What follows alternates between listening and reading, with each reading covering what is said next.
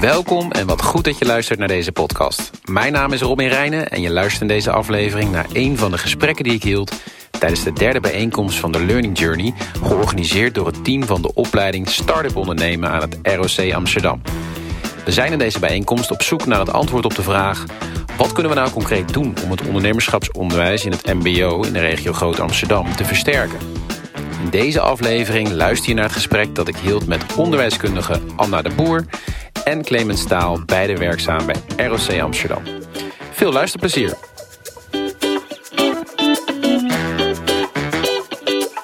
Welkom uh, Anna. Dankjewel. En welkom Clemens, bekend gezicht. Dankjewel. Inmiddels. Ik heb net al even aan de zaal toegelicht, Clemens, dat jij wederom op de bank zit. De meeste zullen jullie misschien nu wel, uh, wel kennen. Clemens Staal dus. Alsjeblieft. Ja, mits we de vorige podcast hebben geluisterd. Wat dat natuurlijk een aanrader is. Ja. ja. Um, een beetje gastheer ook, maar initiator ook van deze uh, serie. Uh, ik vind het fijn dat jij op de bank zit, want dan kunnen we af en toe even de check bij jou doen van hé, maar hoe werkt dat nou in de praktijk? Uh, maar we zitten hier ook, ja, eigenlijk vooral ook met jou, Anna, vanuit, vanuit jouw rol in ehm, het ondernemerschapsonderwijs. wie ben je? Um, nou, ik ben Anna de Boer. Ehm, ik ben ZZP'er sinds anderhalf jaar geleden. Dus dat Gefeliciteerd. is in ieder geval, ja, hartstikke leuk.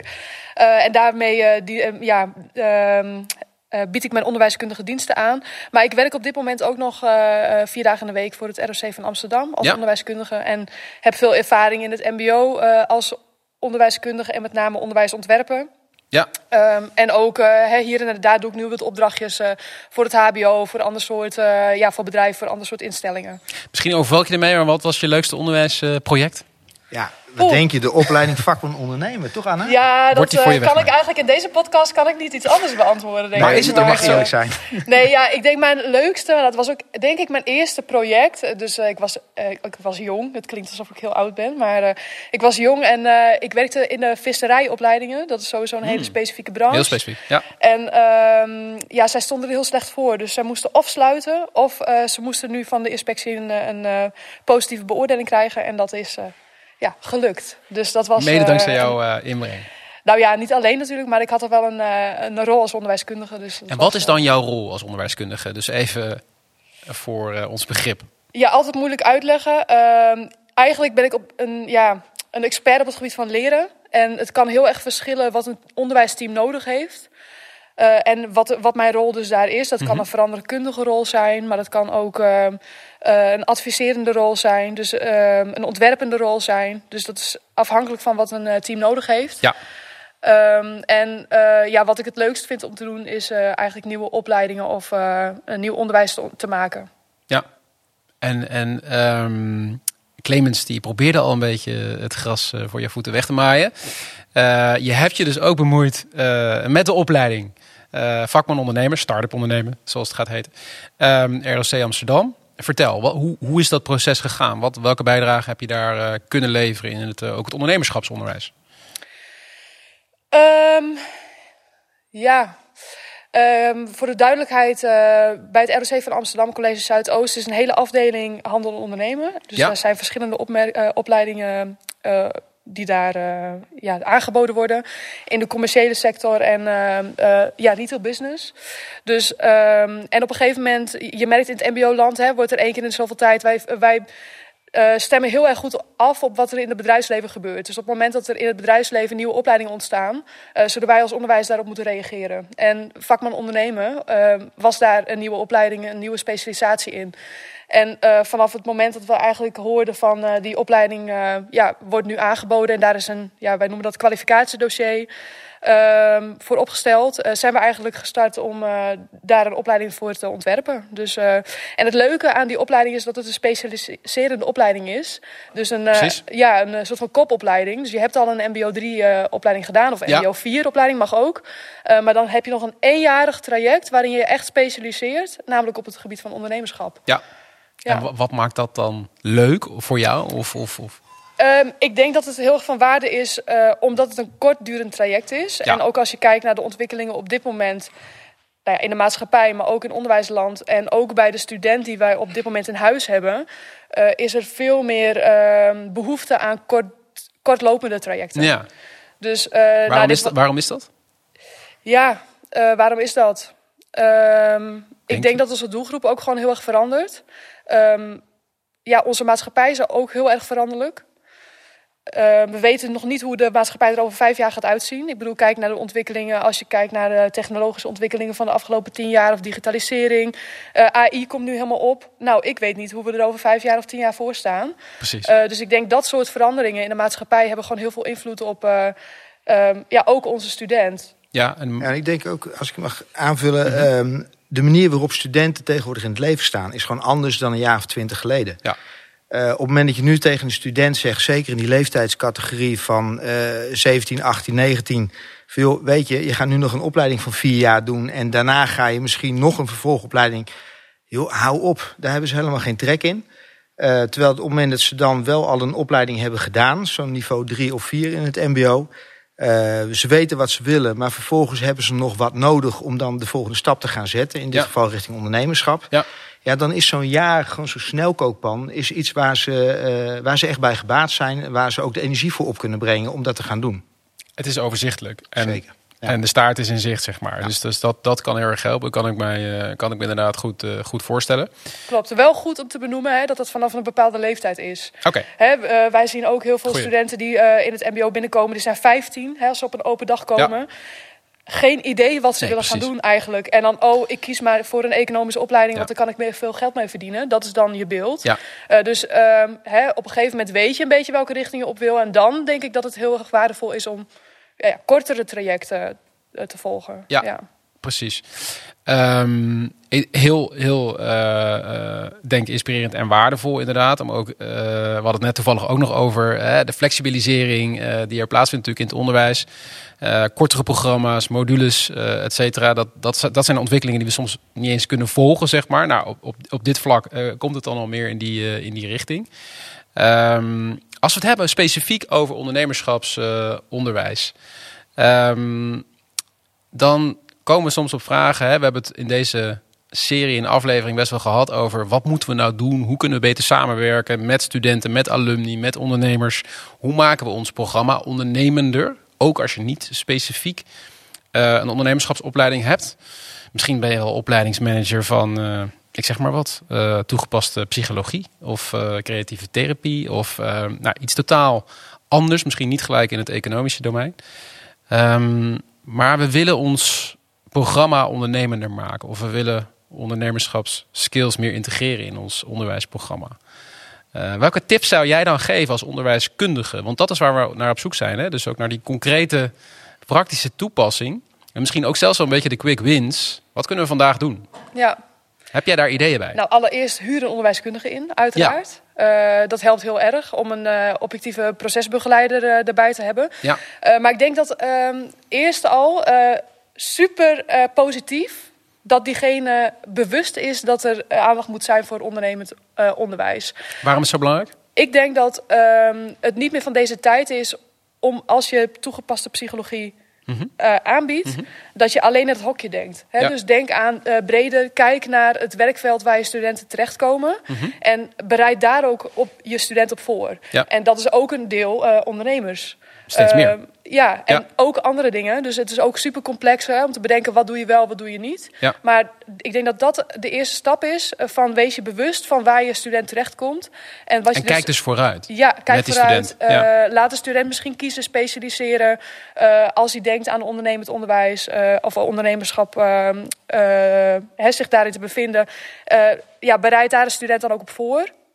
Uh, maar zo zijn er misschien ook andere richtingen. Maar dat is de, denk ik de eerste stap. Ja. En dan uh, de tweede stap, ga met dat werkveld ook in gesprek. Dus betrek het werkveld en die student bij het ontwerpen van het onderwijs wat je dan wil gaan aanbieden. Ja. Dat is ook wat we, hoe we dat bij Vakman Ondernemen hebben gedaan. Maar dus letterlijk gewoon sessie organiseren, uitnodigen, letterlijk. met elkaar gaan zitten. Ja, ja.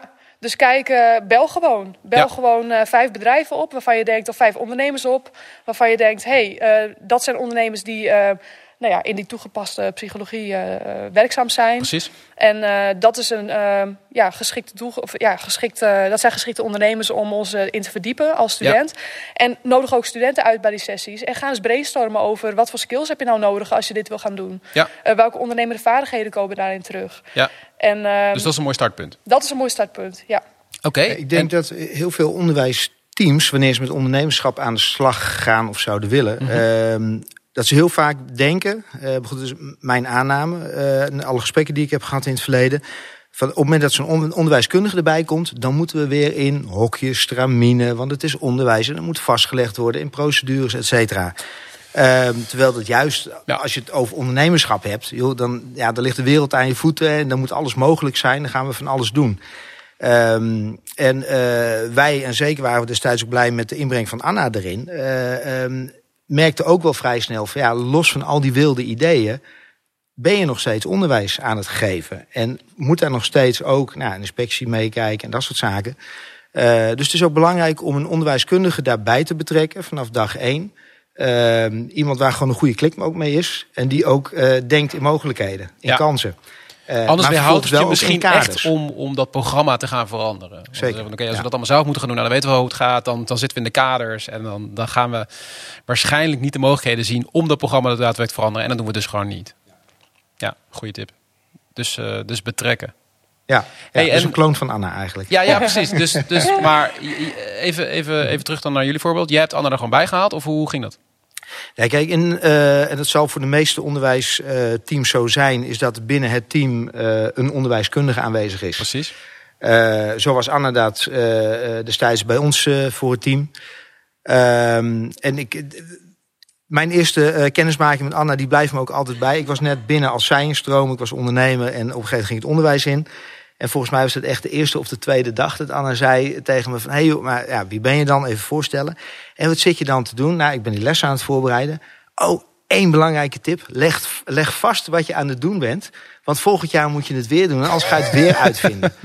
Nou, dat is Quick ook wel win. een rol van een onderwijskundige. Ja, ja, maar dat tekent ook Anna. Precies. Ja, ja dus, dus eh, precies. Denk in structurele eh, oplossingen. Maar hele, eh, dat is echt een begin wat je net schetst, hè, Anna. Om, om dus, als je echt wat wil veranderen, om dan dat proces aan te gaan. Maar ik kan me ook wel voorstellen dat dat, ehm, dat, dat ook alweer voelt als een soort van zwaar proces. Hè? Dus eh, gelijk met werkveld, eh, onderwijskundigen erbij, als een soort van. We gaan het programma veranderen. Kun je ook nog op simpelere manieren Ja, het zeker. programma Ja, ik ondernemender geloof, maken? Ik werk heel veel met eh, design thinking. Ik weet niet of het jou bekend is, maar eh hè, design Mij wel, thinking- maar leg uit. Ja, des- design thinking gaat ervan uit dat je ehm, experimenteert. Mhm. Dus hè, eh, je doet natuurlijk ook een beetje onderzoek van eh, wat zou je willen verbeteren of innoveren. Ja. Eh, en vervolgens ga je een prototype maken of eh, iets uitproberen. En dan ga je kijken, heeft dit gewerkt? Ja. En dat kan heel groot zijn, dus met een heel groot pro- pro- project of een heel groot nieuw product wat je wil gaan ontwikkelen. Maar het kan ook op een heel kleine manier. Dus stel je voor, je bent een docent binnen de toege- toegepaste psychologie. En jij denkt, hé, hey, ik heb vijf studenten in mijn klas die het interessant vinden om straks als ZZP'er aan de slag te gaan. Als, eh, als eh, psycholoog. Ja. Ehm, nodigen ze iemand uit in je les als gastdocent. En Ja. ga eens proberen, hey, heeft dit, eh, he- is het effectief voor die studenten? Vinden die studenten dit interessant? Nou, dat is een heel klein voorbeeld. Dus van- eigenlijk zeg je, dat gebeurt natuurlijk al heel veel. Hè? Dus dat we zeggen van, nou joh, we doen Ja. eens een keer een gastlesje. En jij zegt eigenlijk van, gebruik dat misschien meer en beter om van te leren. Om dat dan ook eh, daarin je programma verder te ontwikkelen. Ja, Vanuit design thinking. Ja, en ik denk, ehm, eh, dit is een voorbeeld die inderdaad veel mensen kennen. Maar zo kan je natuurlijk heel veel ehm, eh, voorbeelden bedenken waarvan je denkt... hey, dit is voor mij wel innoverend. Hè? Dus Ja. jij doet dit al. Ja. Dan kan je iets anders bedenken. Ja. Maar experimenteer erbij. Kijk wat bij jouw student past. Kijk wat bij jou past als docent. En dat zijn dingen die jij in jouw klas kan gaan organiseren. Ja. En kijk, we hadden het net over... eh, ehm, ja, een groter eh, traject.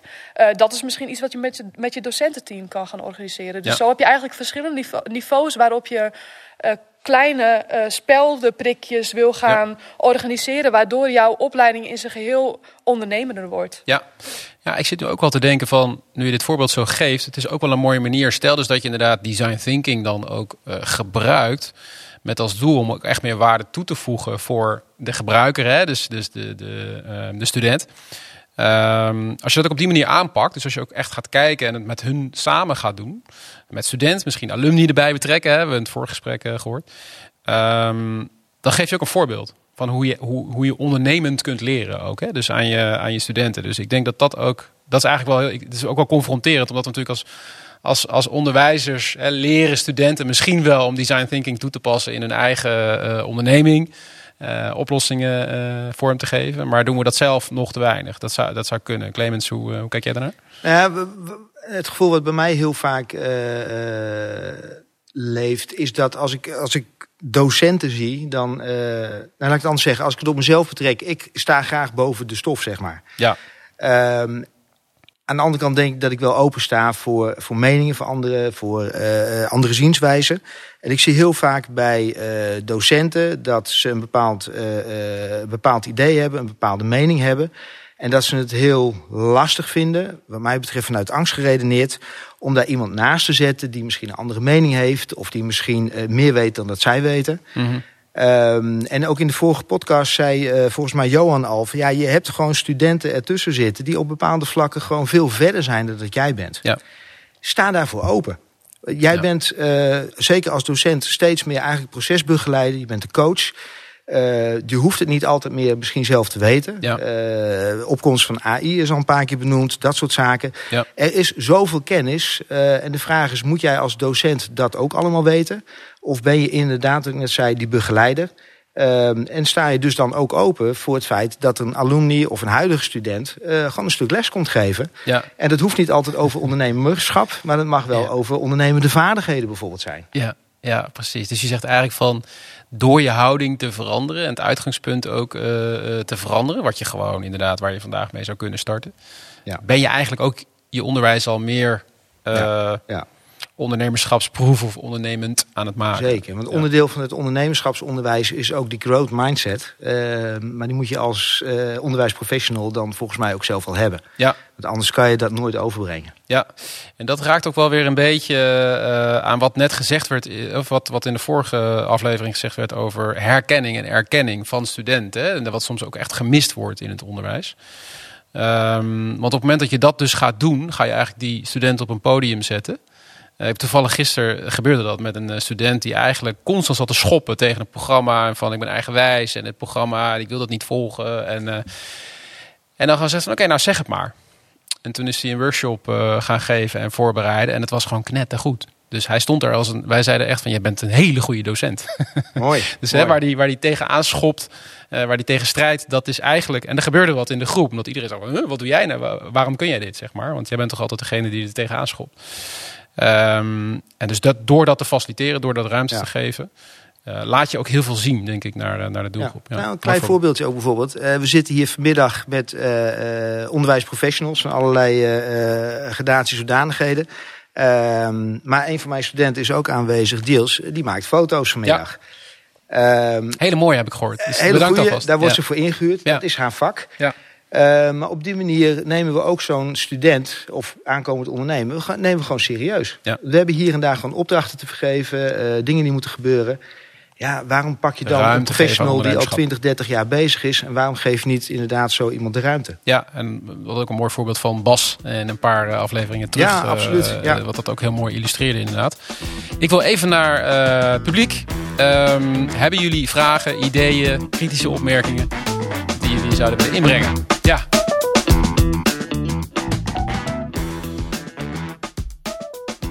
Pauline die merkt op um, die ging eigenlijk in op uh, de verschillende rollen die we ook um, vervullen als docent. En misschien wel veranderende rol, hè? meer begeleidend, coachend, wordt al vaak snel gezegd. Jij zei het net ook, Clemens.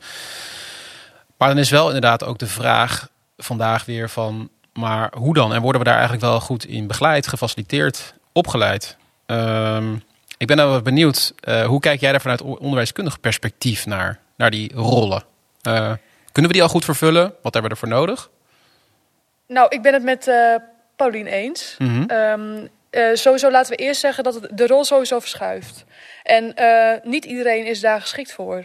Om die uh, groeiende coachende dus dat is goed om te beseffen. Dus dat is al goed ja. om te beseffen. Eens. En je ziet wel dat nu in uh, verschillende onderwijsinstellingen... dat er verschillende TLC's, Teaching Learning Centers en zo worden oh ja. ontwikkeld. Dus ja. er is wel steeds meer aandacht... Teacher, ja. ja. Ja. er is wel steeds meer aandacht voor uh, uh, ja, professionalisering... ook mm -hmm. van docenten mm -hmm. zelf.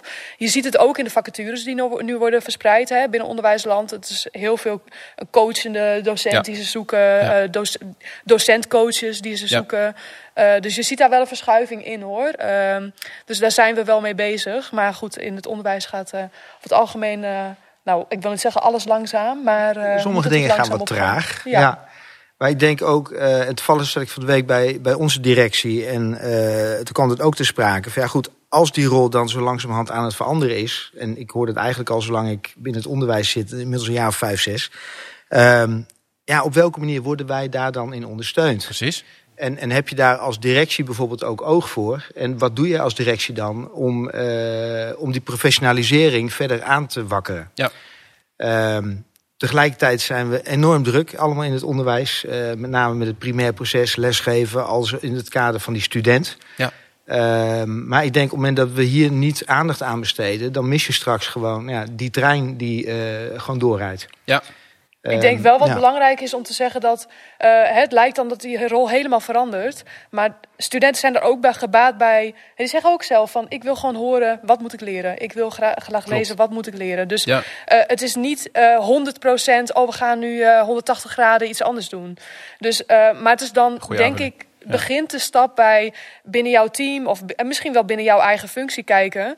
Um, in hoeverre, hoeveel procent uh, besteed ik op dit moment aan mijn tijd aan kennisoverdracht, uh, aan, aan de coachende rol, aan de verschillende rollen van ja. de docent. Um, en, en uh, klopt dat nog? Vind ik dat dat misschien moet verschuiven? En wat heb ik dan nodig om daarin mij te professionaliseren? Precies. Want sommigen zijn geboren coaches, hè? Ja. maar ook een aantal niet. Nee. En, en dat is ook niet erg. Maar dan moet je wel kijken, wat kan ik dan wel ja, wat kan ik wel betekenen? Maar dat, is, dat is een mooie uh, concrete tip inderdaad. Om wel even heel uh, concreet te kijken naar uh, de tijd, hè, naar je rolverdeling en de tijd daarin. Het andere wat ik ook wel heb ervaren is dat je op het moment dat je gewoon aan elkaar vraagt in het team. Weet je wel, hoe geef jij nou vorm aan die rol? Wat zijn voor jou nou echt de werkende elementen als jij een team coach bijvoorbeeld? Dan hoor ik soms ook van collega's van wie ik het misschien niet eens direct verwacht. Hele interessante dingen die ik direct kan implementeren morgen. Waarvan ik denk, wow, dit werkt eigenlijk best wel lekker en, uh, en goed. Um, waarin je dus ook vrij makkelijk dus kunt, uh, kunt ontwikkelen. Dus, dus dat, in ieder geval kun je dat snel en uh, vandaag ook uh, doen. Ja, en ook dus kleine experimentjes. Hè? Ja, precies. Proberen ze iets uit door iets niet uit te leggen, maar studenten het zelf uit te laten zoeken. Wat precies. voor effect heeft dat? Ja. Werkt dat misschien ook? Laten ze een student inderdaad zelf uh, iets presenteren. of bijvoorbeeld een hoofdstuk van een boek als je nog met een boek werkt. maar, of, een, of een theoretisch concept uitlegt. Laat het dus een student uitleggen. Heeft dat hetzelfde effect? Waarom zou je het dan zelf gaan zitten doen? He, je maakt jezelf eigenlijk ook veel makkelijker. En je kan een beetje bijsturen en en misschien aanvullen, maar dan, ja, dan sowieso is ook bewezen, je moet actief met de leerstof aan de slag, zodat het ook uh, beklijft bij ja. een student. Ja. Dus um, het maakt je ja, leereffect ook veel effectiever. Ja. En wel een goede aanvulling, maak er een experiment van. En ook, het is niet altijd nodig, weet je wel. We hoeven ook weer niet altijd die student op het podium te zetten. Uh, soms uh, is er ook iets van een kennisbasis nodig op een bepaald moment in, Absoluut, in een leertraject. en dat kan weer in heel verschillende vormen natuurlijk aangeboden krijgen. Ja.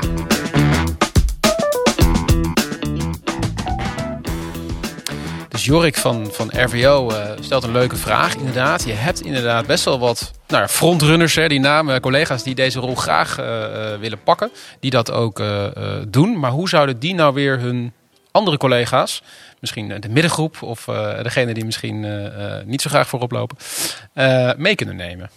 heb je daar misschien suggesties voor? Bedoel je dan dat zij ook de coachende rol gaan aannemen? Om dat te motiveren, ja. Om dat te motiveren? Ja. Um, Hoe kunnen wij collega's motiveren om ook zich in die rol te ontwikkelen? Ja, ik denk dat het uh, begint uh, bij het gesprek aangaan met elkaar. Hè, mm -hmm. Van wat verwachten wij, uh, hoe zien wij het, hoe, ja, wat, hoe zie jij het zelf? Hè? Want iets opleggen, dat werkt bij de meeste van ons niet goed. Tenminste, nee, als ik kijk naar mezelf kijk en iemand zegt tegen mij: je moet dit gaan doen, dan ga ik het niet doen. Maar bedenk ik het zelf, dan is het wat anders.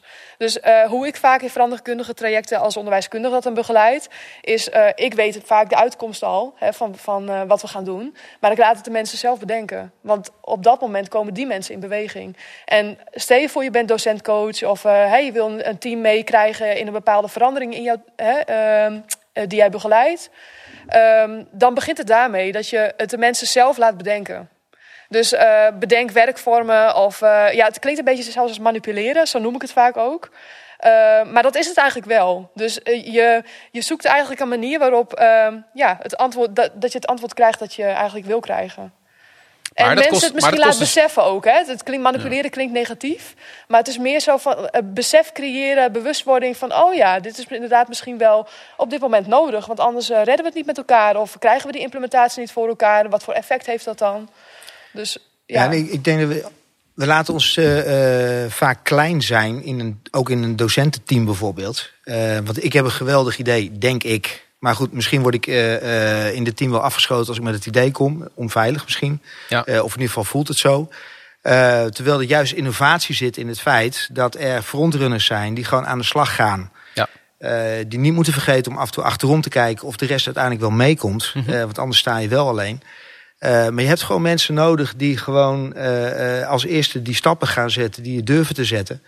Die eh, in dat ondernemerschapsonderwijs of in die ondernemende vaardigheden op een gegeven moment gewoon daadwerkelijk naar buiten gaan, de contacten gaan leggen, de buitenkant naar binnen haalt, van binnen naar buiten.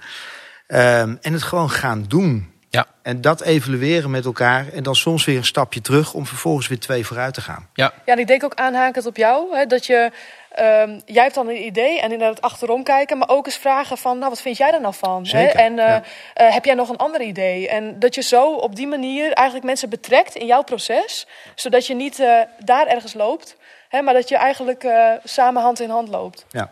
Ja, het is uiteindelijk gewoon een gemeenschappelijke inspanning. Het enige is, ja, eh, iemand loopt misschien voorop. Ja.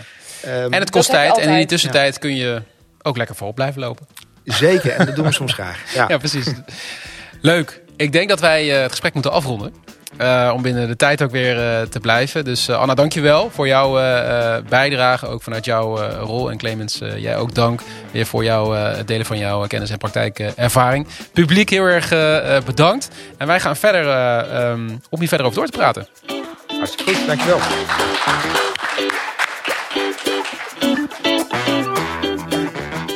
Dit was de zevende aflevering van een serie over ondernemerschapsonderwijs in de regio Groot Amsterdam. Tijdens de bijeenkomst zijn we verder gegaan om de uitkomsten van de gesprekken te vertalen. Wil jij meer kennis, inzicht en samenwerking op het gebied van ondernemerschapsonderwijs in de regio Groot Amsterdam? Stuur dan even een berichtje aan Clemens Staal van ROC Amsterdam. Zie de show notes voor meer informatie en contactgegevens.